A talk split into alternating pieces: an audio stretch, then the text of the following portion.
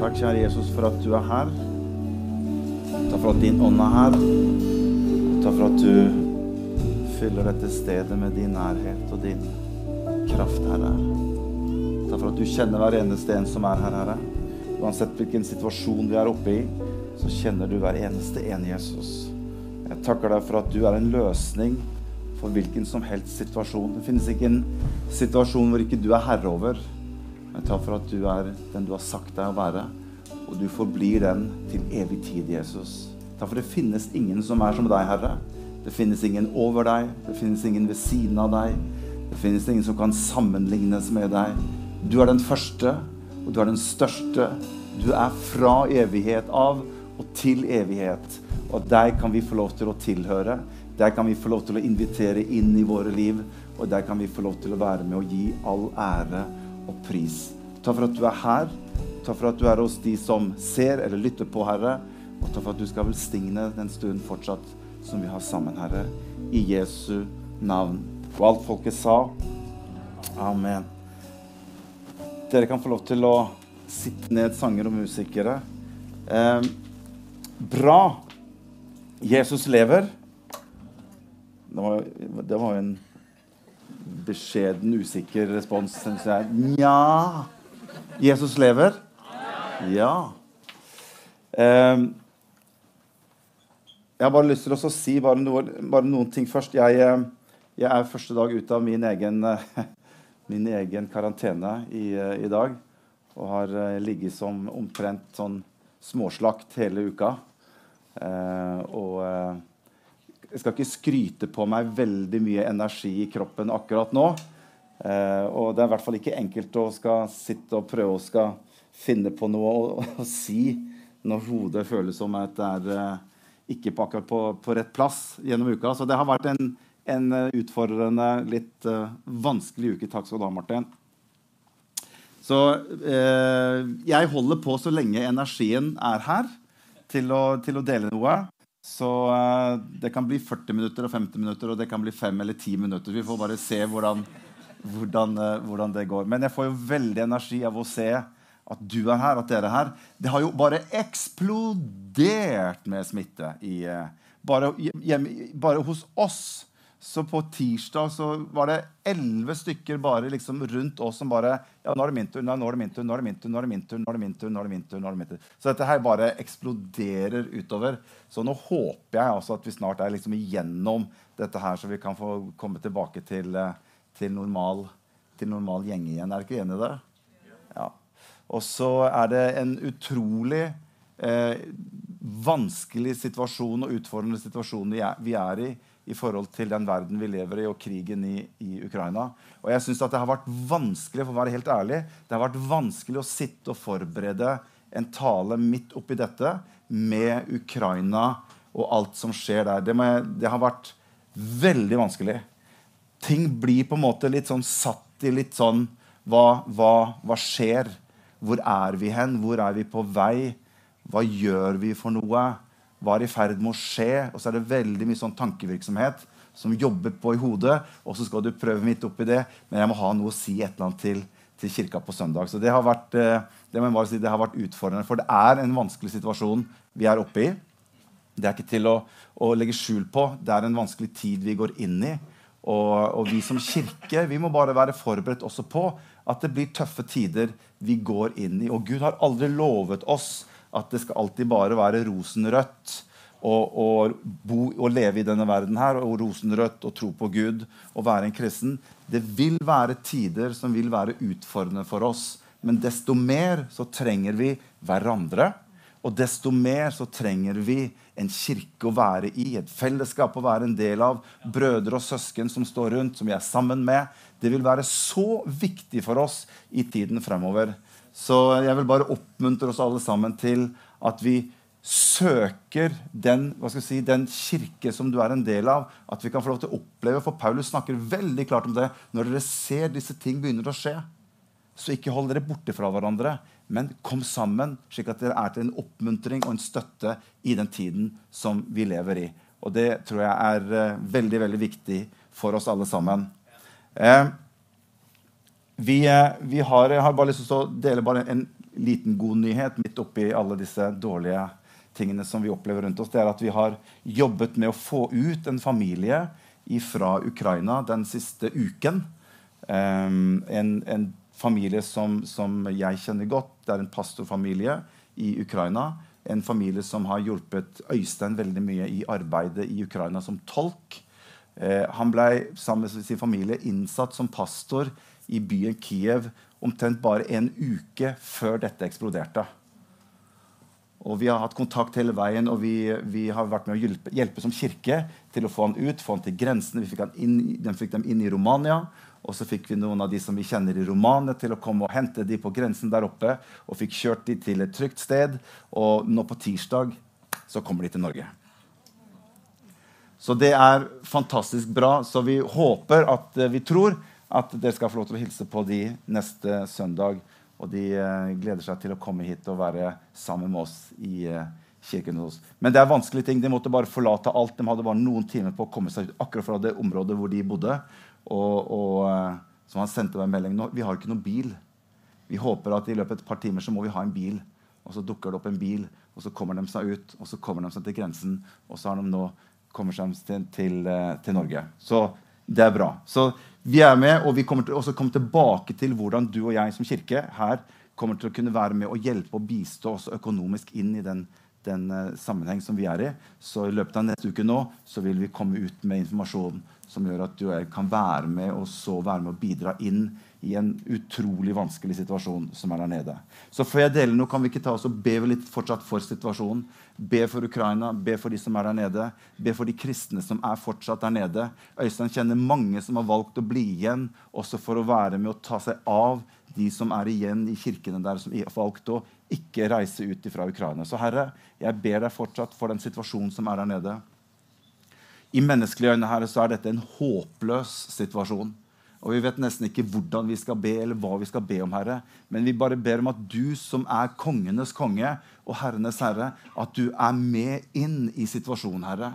Og virker med din ånd, Jesus. Så jeg ønsker bare å be for hele situasjonen, for alle disse som er berørt i Ukraina, Herre. Jeg ber om at du skal være med med din styrke, med din visdom, med din nærhet, med din fred som overgår all forstand. La mennesker få lov til å kjenne det at de blir omgitt av noe som er utover seg selv, men som har av din himmels karakter, Jesus. Så de kan få lov til å kjenne det, at det er noe som er med dem midt oppi vanskelighetene jeg ber deg spesielt for alle barn som er involvert, Herre.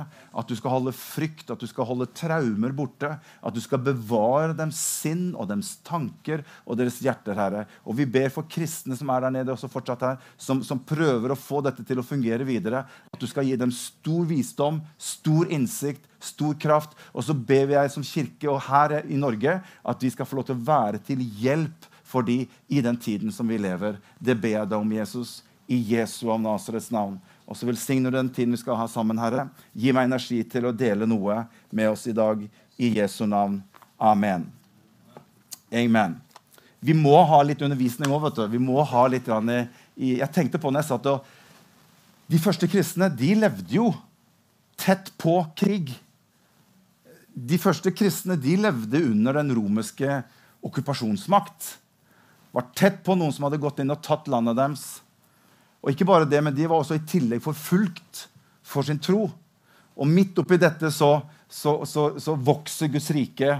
Mennesker blir, blir, undervist, mennesker tar imot Jesus til frelse. Så vi må fortsette å tro at selv om tingene rundt oss er vanskelig, så er Gud Gud midt oppi alt. Og han virker med sin ånd, og han bruker mennesker til å spre evangeliet. Og hvis det er en tid vi trenger å spre evangeliet, så er det akkurat nå. Hvor vi trenger å, få, å gi beskjed til mennesker og fortelle mennesker om at Jesus lever, og at det fins en, en, en, fred som overgår all annen fred. Det er den freden du kan få på innsiden i hjertet ditt. Amen.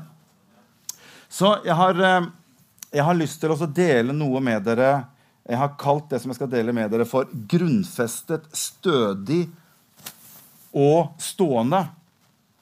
Grunnfestet, stødig og stående. Litt ut ifra det fokuset som vi har i, eh, i år, med, et, eh, med, Jesus hele livet. Og, og eh, litt ut ifra det at jeg tror det her kommer til å være den lengste taleserien jeg har hatt noen gang. Det kommer til å være et, en taleserie som går over et helt år. Så her er det bare å få med seg hver eneste tale. For det er så mye å dele rundt dette som har med hvordan du og jeg kan bygge en tro og leve et liv som varer hele livet. Jeg ønsker å tro på Jesus hele livet. Jeg ønsker å ha den troen som jeg har i dag. Det ønsker jeg skal vare ut hele livet. Hør, Uansett hva som måtte komme lenger fram, så ønsker jeg å bygge et fundament, jeg ønsker å bygge en grunnvoll. Jeg ønsker å ha noe i livet mitt som bærer meg uansett på veien videre i mitt liv. Og det håper jeg er noe som du også ønsker. Det er å være med å bygge noe i livet som er såpass sterkt og såpass grunnfestet at det bærer oss igjennom de tider som er utfordrende og vanskelig. For vi vil møte tider som er vanskelig. Vi vil møte tider som er utfordrende. Og hvordan kan vi lage og bygge et fundament i livene våre som bærer oss igjennom når ting ikke blir som kanskje du og jeg hadde tenkt eller drømt eller til og med bedt om? Det er ofte da det begynner å bli vanskelig. Jeg har bedt om noe annet. Det skjedde ikke. Hvor er Gud oppi alt dette? Hva er med troen? Er det sant eller ikke sant? Og så begynner noe å komme inn av tvil. Ting som kommer inn og begynner å melde seg for å få deg og meg vekk ifra troen på Jesus Kristus. Og Det var det jeg prøvde å snakke litt om forrige gang. Dette med hvordan troen vår blir angrepet helt ifra Adam og Eva, når den onde kommer inn Det første han gjør, er å skape vantro i sinnet og tankene til Adam og Eva, hvor han spør har Gud virkelig sagt. Og det fortsetter han med i dag også, hvor han prøver å komme inn i ditt, mitt sinn og tanker og spør og setter hele dette her i tvil. Er du sikker på at dette er sant? Er du sikker på at dette holder mål? Er du sikker på at dette er verdt å bygge livet sitt på? Er du sikker? Er du sikker? Det har noe med det motsatte av troen. Han skaper vantro i forhold til det Gud sier. Og konsekvensen av hva Adam og Eva gjorde, det var at når de fikk vantro inn, så kom de ut av Edens hage. De kunne ikke være fortsatt i det Gud hadde for dem. Så vantroen gjør at du og jeg ofte kommer på avveie ifra det Gud har for deg og meg, som kan være et bilde på Edens hage. Den onde vil alltid prøve å få deg og meg vekk ifra det som Gud har sagt i sitt ord. Så jeg har lyst til at vi skal ta utgangspunkt i Jeremia kapittel 17 og vers 7. Jeremia kapittel 17 og vers 7. da skal vi lese to vers, vers 7 og vers 8. Jeg må ha litt væske, ellers blir jeg sånn tørr predikant. Det er en veldig gammel spøk. Men her er det så mange nye som ikke har hørt den, så den tør, den tør jeg bare dra opp igjen. Det gjør jeg rent tro. Jeremia 17, vers 7, der står det Velsignet er den mann som stoler på Herren og setter sin lit til Han. Og så står det noe fantastisk. Han er lik et tre som er plantet ved vann.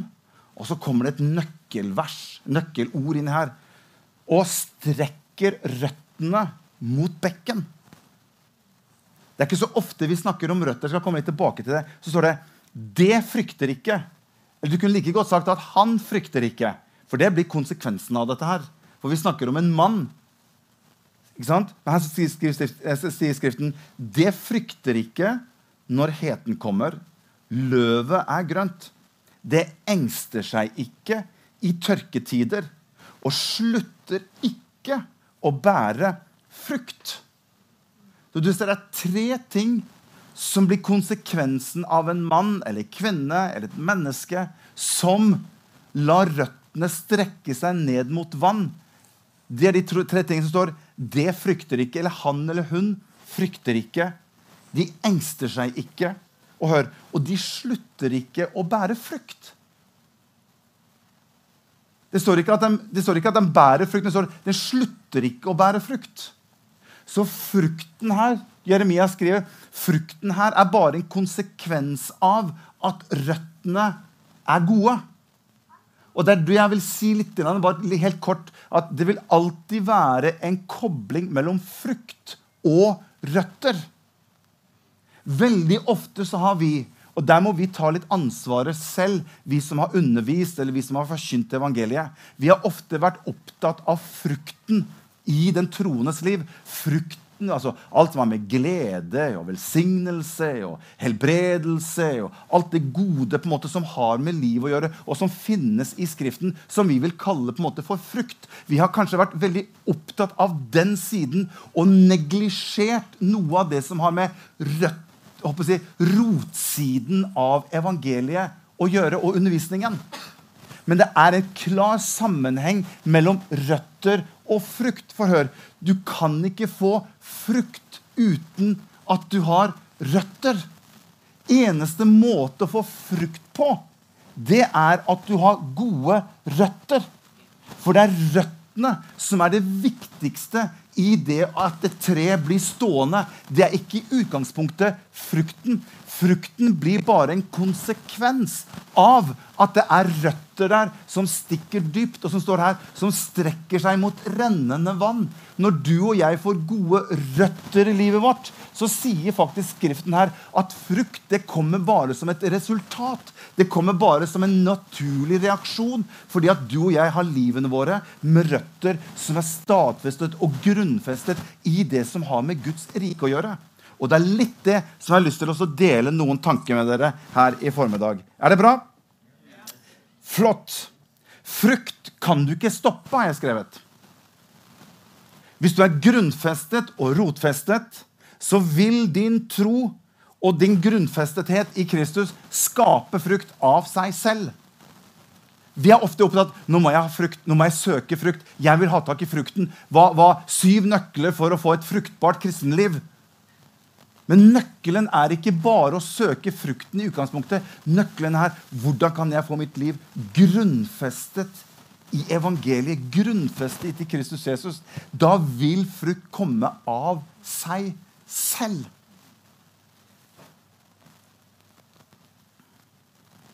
Se hva som står i Efeserne 3,17. For det som er En annen ting altså med frukt er at frukt er ikke smittsomt. Det er ikke sånn at Hvis du er sammen med en annen som har frukt i sitt liv, så vil det smitte over til deg. Nei, Bibelen er veldig klar på at jeg og du vi er selv nødt til å gjøre en egeninnsats for at frukt skal bli synlig i livet vårt. Skjønner, Det å leve som en kristen, det er ikke bare bare det. det å leve som en kristen, det er ikke bare liksom at er, er det magen min, eller er det Altså, Jeg har hatt korona, altså, men jeg, sånne lyder har jeg ikke opplevd hele uka. Skal jeg ta den der håndholdte? Eller skal jeg eh, Hva? Ja.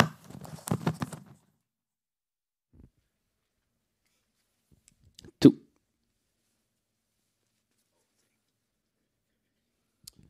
Bra. Nå Se hva som står i Efeseren kapittel 3 og vers 17. Nå går tida altfor fort. Jeg har altfor mye energi, dere. Altfor mye energi. Så vi må forte på litt her. Feserne kapittel 3 og vers 17. Der skriver Paulus.: Må Kristus ved troen bo i deres hjerter, og dere stå rotfestet og grunnfestet i kjærlighet. Du vet Bibelen mange ganger forklarer hvordan Guds rike fungerer på forskjellige måter. Bibelen er veldig flink til å bruke hverdagslige, kjente terminologier som gjør at du og jeg kan prøve å få en forståelse av hvordan Guds rike virker. Vel, Jesus var veldig flink til å tale i lignelser, slik at folket skulle på en måte forstå når han sa noe. Så, så backet han det opp med en lignelse, slik at folket fikk en forståelse av er det det du mener. Og Veldig ofte så bruker Bibelen det som vi kaller for agrikulturelle måter å, å, å beskrive Guds rike på agrikultur. Det har jo med hva skal vi si, jordbruk å gjøre. Altså terminologi som inngår dette med at 'jeg er vintreet, og dere er grenene'. Eller dette med at man, man, må så i jorden, og så høster man etterpå. Det er jo noe som har med agrikultur Agri, det betyr jo jord. Og kult, eller kultur, det har jo på en måte med, med, med eh, Hva skal vi si Tilstanden til jorda. Så agrikultur har med jordbruk, jordterminologi. Og det har bare lyst til å vise dere noen ting rundt det. Fordi at du og jeg vi har noen ganger en følelse av at jeg trenger jo ikke egentlig å gjøre noe annet enn å bare tro på Jesus, og så blir egentlig alt bra. Absolutt ikke.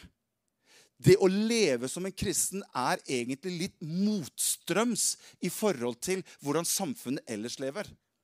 En laks, hva er det han gjør for noe? Svømmer han nedover elva, eller svømmer han oppover? Han svømmer motstrøms. Det hadde vært mye enklere for laksen å bare vet du hva, nå er det så mye motstand at nå bare snur jeg, så, så lar jeg bare tingene gå sin vei. Sånn er det med oss som kristne også. Når du og tar imot Jesus, så vil vi ha ting i livene våre. Å leve som en kristen blir mye på en måte å svømme motstrøms i forhold til kanskje hva mange andre gjør i sine liv. Så veldig mange som tar imot Jesus, kommer til meg etterpå og sier det var jo mye enklere å leve før enn å leve nå. Og da vil jeg bare si ja, absolutt. Vi, vi vil ha både en indre og en ytre motstand i forhold til det å, be, å, bevege seg og leve som en kristen. Og det er noe av det, denne agrikulturelle terminologien, som jeg bare har lyst til å si litt om. For det er det som skjer. Agrikultur det betyr at du og jeg skaper hva skal vi si, eh, forhold til rette for at det vi ønsker å oppnå, blir en virkelighet.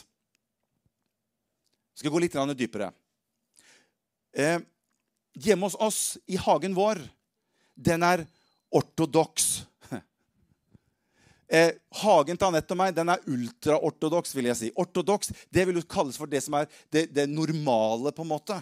Det er det helt common. Det er det som, det er, det er, som er generelt ortodoks. Så hagen vår er veldig ortodoks. Der vokser det som kommer naturlig. Så hagen vår er ikke berørt veldig Ikke akkurat nå. Vi har noen planer, men ak akkurat nå så ser den Ja. Men, men tanken med kristenlivet, det er at jeg sammen med Kristus gjør noe for at jeg ønsker å ha en annen hage rundt meg som i kristenliv. Jeg må gjøre noe. Jeg må spa litt, jeg må rydde litt, jeg må luke ugress. Tenk om man ikke trengte det, da. Tenk om det bare vokste fram den mest fantastiske hagen av seg selv. Jeg har ikke tro for det, og jeg har prøvd å be for hagen min, men det hjelper ingenting. For Gud sier din latsopp, du må jo ut og gjøre noe. Så jeg, jeg får ikke helt til bare med bønn. Jeg må faktisk gjøre en aktiv handling. Og det er det som ligger litt grann, at jeg må bruke krefter for å få det jeg ønsker. Fordi at det vokser ikke sånn normalt. Og sånn er det i ditt og mitt, i ditt og mitt liv også. Så hagen min ønsker jeg egentlig skal bli en kult. For, for, ordet agrikultur, ordet kult, det er jo noe som er avvik fra normal. En kult eller en sekt, som vi kaller det, det er noe som fraviker fra normalen. Så jeg ønsker at hagen min skal være en kult eller en sekt. Fordi den avviker fra det som ellers er normalt. Det er bare at Jeg ønsker å forme den hagen slik jeg ser den for meg. Og sånn er det du og jeg i våre liv som troende. Vi er nødt til å gjøre et stykke arbeid i vårt eget liv for å sørge for at livet vårt i henhold til Kristus blir noe mer enn at jeg bare lar ting bare flyte og gå i livet vårt. Og det er noe av det som jeg bare har lyst til å vise dere litt. Jesus bruker mange sånne metaforer for å forklare at det er ikke normalt å elske sine fiender. Det er unormalt. Eller snu det andre kinn til når noen Ikke sant? Eller tilgi dem som hater deg. Og så videre, og så videre, og så videre. I Lukas kapittel 6 og vers 47 skal vi gå. Lukas kapittel 6 og vers 47. Her sier Jesus noe fantastisk. Jeg skal bruke litt tid i, dette, i, dette, i disse versene her. Lukas 6, vers 47-49. Der sier Jesus.: Den som kommer til meg og hører mine ord og gjør det de sier, jeg skal vise dere hvem han ligner. Han ligner et menneske som skulle bygge et hus, og som gravde dypt og la grunnmuren på fjell. Da flommen kom, brøt elven mot huset, men kunne ikke rokke det, for det var bygd godt. Men den som hører og ikke gjør etter det han hører, er lik et menneske som bygde et hus på jorden uten grunnvoll. Og vannstrømmen brøt voldsomt mot det, og straks falt det, og dette husets fall var stort. Her ligger det en utrolig sterk nøkkel som jeg vil at dere skal få med dere. Dette er sentrum av det som jeg føler Herren har gitt meg til dere i dag for at jeg skal ta med dere hjem. For her kommer Jesus med en nøkkel. For han sier noe her. Han sier at å høre ordet virker noen ganger som er lettere enn å gjøre ordet. Det kan vi kanskje være litt enig i. Vi liker å høre, men det er verre med dette å skulle gjøre. Men det er en sammenheng her, sier Jesus, mellom å høre og gjøre. For vi kan ikke bare være hørere av Guds ord, men vi må være gjørere av Guds ord. Vi må være begge deler i livet vårt. Og Margaret fortalte jo veldig fint om dette her på familiesøndagen. her, Dette med han som bygde huset på fjell. Og Det er noen ting der som er, er, er veldig bra. så jeg har lyst til å bare kommentere, For det er noe teologisk der som må bare være litt sånn, vi må bare være obs på vi som er litt, litt, eldre. ikke sant? Sånn at vi bare setter det, for Jeg skal komme tilbake til det etterpå. Men hør. Jesus er inne på noe veldig veldig spesielt her. For Vi elsker å høre, men Jesus sier faktisk her at å høre ordet vil ikke alene bygge huset. Du kan ikke gå gjennom kristenlivet bare ved å høre forkynnelse. Du kan ikke gå gjennom kristenlivet bare ved å sitte og høre og høre. og høre og høre. Det bygger ikke noe.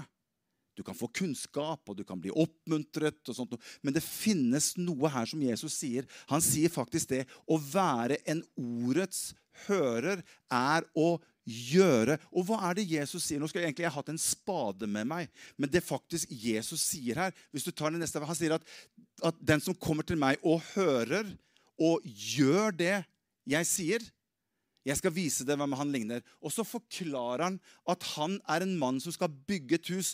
Og så står det 'og som gravde', sier Jesus. Har du sett det før? Jesus sier faktisk det. At 'jeg hører og jeg gjør, og nå skal jeg gjøre. Og noe av det viktigste jeg gjør ut ifra det å høre, det er å grave. Så det å være en ordets gjører er faktisk å grave. Hva er det som skal graves for noe? Jo, det er det som er mellom det jeg skal bygge huset mitt på, og komme meg ned til klippen. Jeg må få bort det som jeg ikke kan belage livet mitt på. Jeg må få bort de ting i livet som jeg ikke kan fundamentere mitt liv sammen med Kristus på. Og hør, Egentlig er det snakk om at jeg må få bort det som er av meg selv i livet mitt. Det må vekk, for jeg kan ikke bygge på annet enn at jeg må ned først til klippen. Jeg må få et fast grunnlag å legge livet mitt på. Derfor er en del av det å gjøre Guds ord, det er å faktisk å grave vekk det som er av meg selv i mitt liv. Og du har kanskje noe i ditt eget liv også. Og hør, denne graveprosessen, den tror jeg er noe som vi har med oss hele livet. Det har noe med at du og jeg alltid prøver å få vekk de ting som du og jeg ikke kan bygge på i livet vårt. Derfor sier Paulus ofte at han skal tilta, og jeg skal avta.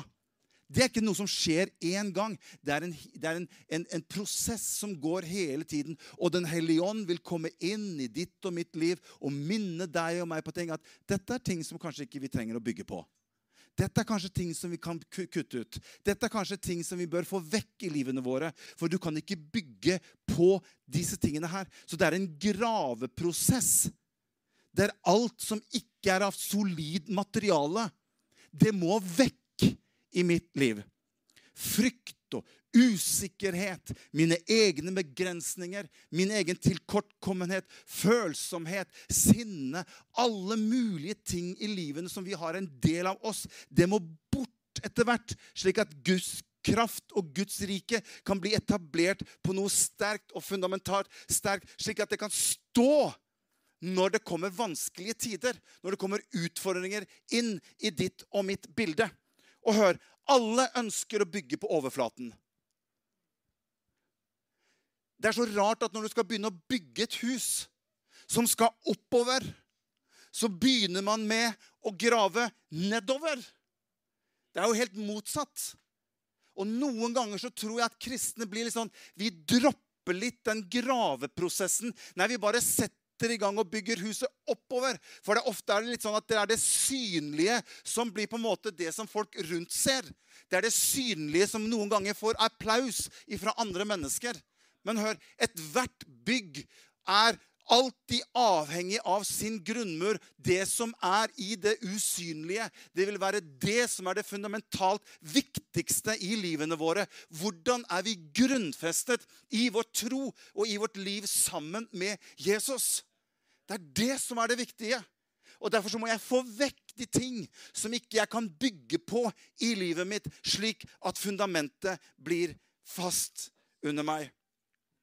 Om ikke fundamentet fungerer, så vil jeg ikke over tid greie å stå støtt som en kristen. Den andre mannen skal avslutte med det. Vi kan komme og spille litt, så skal vi synge litt. Den andre mannen som bygde Og her er bare litt sånn det her er bare litt sånn tatt ut av eh, hva skal jeg si, eh, Når Jesus snakker, tar, tar denne lignelsen om disse to som skulle bygge For den andre mannen som bygde, han bygde mye fortere. For han startet jo bare å bygge huset sitt med en gang. Så han hadde på en måte tilsynelatende en slags form for vekst som på en måte ble fort synlig. Og de andre kunne se Du verden, og, og, og, og hun, hun, eller han vokser. Du verden, så, så, så bra allting står til. Jeg er ikke sikkert, skjønner du. Og Det er noe av dette som Jesus tar opp i denne fortellingen. Han, han, han, han viser med disse ord. For de bygde med samme utgangspunkt. Og hør det er det som er det viktigste i den, i den historien her. Utgangspunktet for disse to, det var likt. Det var ikke sånn at det var et grunnfjell for den ene å bygge på, og ikke et grunnfjell for den andre å bygge på. Da hadde det, vært, da hadde det ikke vært rettferdig. Så når Jesus forteller denne lignelsen, så sier han eneste forskjellen mellom de to, det er at i utgangspunktet så var det likt. Den ene valgte å grave seg ned til grunnfjellet før han begynte å bygge. Mens den andre bare valgte å begynne å bygge med en gang uten å grave seg ned. Og det var det som gjorde at den mannen som begynte å bygge uten å få et stødig fjell å stå på, når da stormen kom, så fikk han et problem med å bli stående. For han var ikke grunnfestet og rotfestet i Kristus på en sånn måte som gjør at når han møtte motstand i livet sitt, så ble han stående. Nei, huset falt ganske fort. Og dette er det som ligger på mitt hjerte i det året som vi er nå. At vi skal få lov til å være en kirke og et fellesskap som skal være med å skape en tro i hverandre som ikke bare blir overfladisk og uærlig om livet, men det finnes en tro som går igjennom alt av prøvelser. Det finnes en tro som overlever alt av kriser. Det finnes en tro som gjør at uansett hva du og jeg møter på vår vei, så lever han like godt for det. Amen. Og i Paulus han gikk så sånn Om jeg lever eller dør, sier han, så hører jeg Kristus til. For jeg har fått bort mye av det som har med meg selv å gjøre. Jeg lever ikke lenger selv, sier han. Men Kristus lever i meg. Og det livet som jeg nå lever, det lever jeg i troen på Han. Her har vi en kjempeutfordring for oss som kristne i dag. Og kanskje mye i den vestlige kultur som vi har vært. Vi har bygd noen ting som kanskje over tid ikke har vist seg å være så stødig, og så faller ting. Og så blir vi urolige. Men jeg ønsker å bygge livet mitt. Og jeg skal avslutte med dette skriftstedet. Vi kan reise oss opp, alle sammen.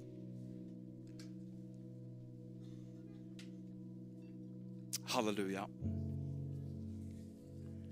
Kolosserne 1 og vers 21.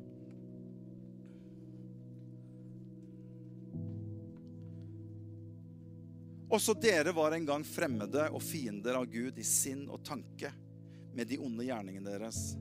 Men nå har han forsonet dere med seg, da Kristus led døden i sin kropp av kjøtt og blod.